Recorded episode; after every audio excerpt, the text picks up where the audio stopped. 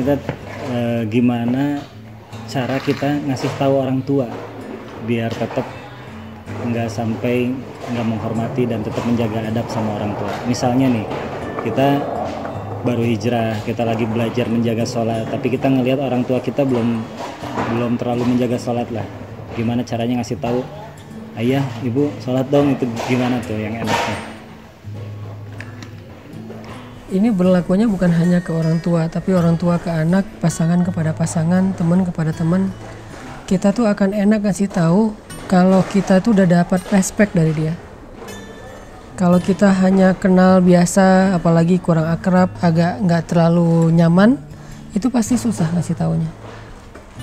Orang tua yang dirasakan kurang nyaman oleh anaknya, itu mau ngasih nasihat apa juga susah pasangan yang dengan pasangannya itu nggak dapat respectnya biasa-biasa aja hanya status doang nggak nggak nggak hangat gitu itu susah juga ngasih tahu. Jadi harus dibangun itu adalah hubungan dulu hubungan personal yang baik. Gimana membangun hubungan personal yang baik? Ya akhlak lagi akhlak lagi. Jadi orang yang yang paling duluan dalam segala kebaikan dan dan kebermanfaatan.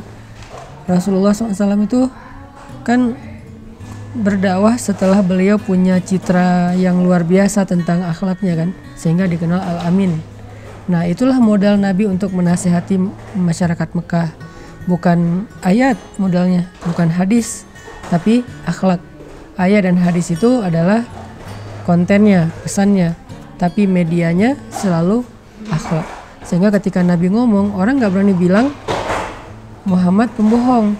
Kalau ada yang bilang Muhammad pembohong, orang akan mengatakan kamu yang pembohong. Itu terjadi kepada Suhail itu terjadi kepada Abu Lahab. Ketika ada yang bilang Muhammad itu gila orang akan balik kamu yang gila. Nggak ada orang penduduk Mekah bilang dia gila kecuali orang gila. Nggak ada yang bilang dia pembohong kecuali dia pembohong gitu. Jadi Nabi Muhammad itu malah dibela oleh orang yang belum beriman kepada beliau karena modal akhlak beliau. Nah terus kenapa ada yang segera beriman ada yang enggak bukan karena uh, mereka nggak percaya sama Nabi karena egonya. Mereka semuanya percaya dengan Nabi, termasuk Abu Jahal tuh pada dasarnya dia percaya banget sama semua omongan Nabi. Cuman egonya, ego apa? Ego dia takut kalau masuk Islam jadi pengikut Muhammad. Sementara kan dia kepala suku, nggak pengen jadi pengikut. Dia pengennya tetap jadi leader. Nah, ego inilah yang membuat Abu Jahal nggak bisa uh, apa hijrah, nggak bisa uh, converting to Islam gara-gara egonya. Ada orang yang karena egonya lah dia nggak mau mendengar nasihat. Nah, orang yang kayak gini nih sedikit. Pada akhirnya orang tetap aja ada sisi baiknya yang lebih dominan daripada egonya, sombongnya. Nah, sisi baik ini bisa kita sentuh lewat pendekatan akhlak, moral, eh, kehangatan hubungan secara personal. Itu dulu yang dibangun. Jadi kalau kita punya teman mau kita dawahin bangun dulu hubungan personal lewat akhlak. Ke orang tua harus jadi anak yang paling berbakti. Ke pasangan harus jadi pasangan yang paling uh, romantis yang paling uh, baik yang paling sering ngebantu.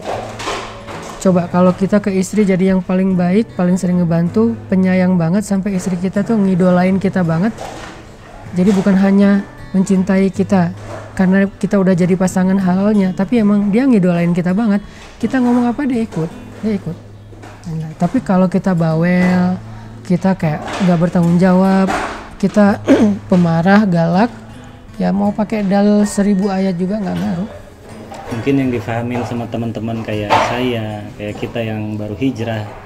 Wah ketika hijrah sampaikan kebenaran walaupun satu ayat nih.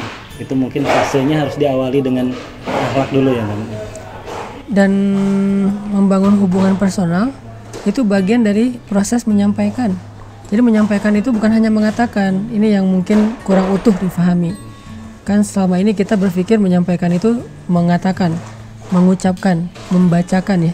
Padahal enggak, proses menyampaikan itu dimulai dari akhlak, kemudian juga memilih timing yang tepat, momen yang tepat, kemudian menyampaikan dengan bahasa yang tepat, kemudian mendoakan orang yang setelah kita menyampaikan eh, nasihat-nasihat tadi supaya dia terbuka hatinya. Ini semuanya satu paket dalam kalimat balir, sampaikan, bukan hanya mengatakan.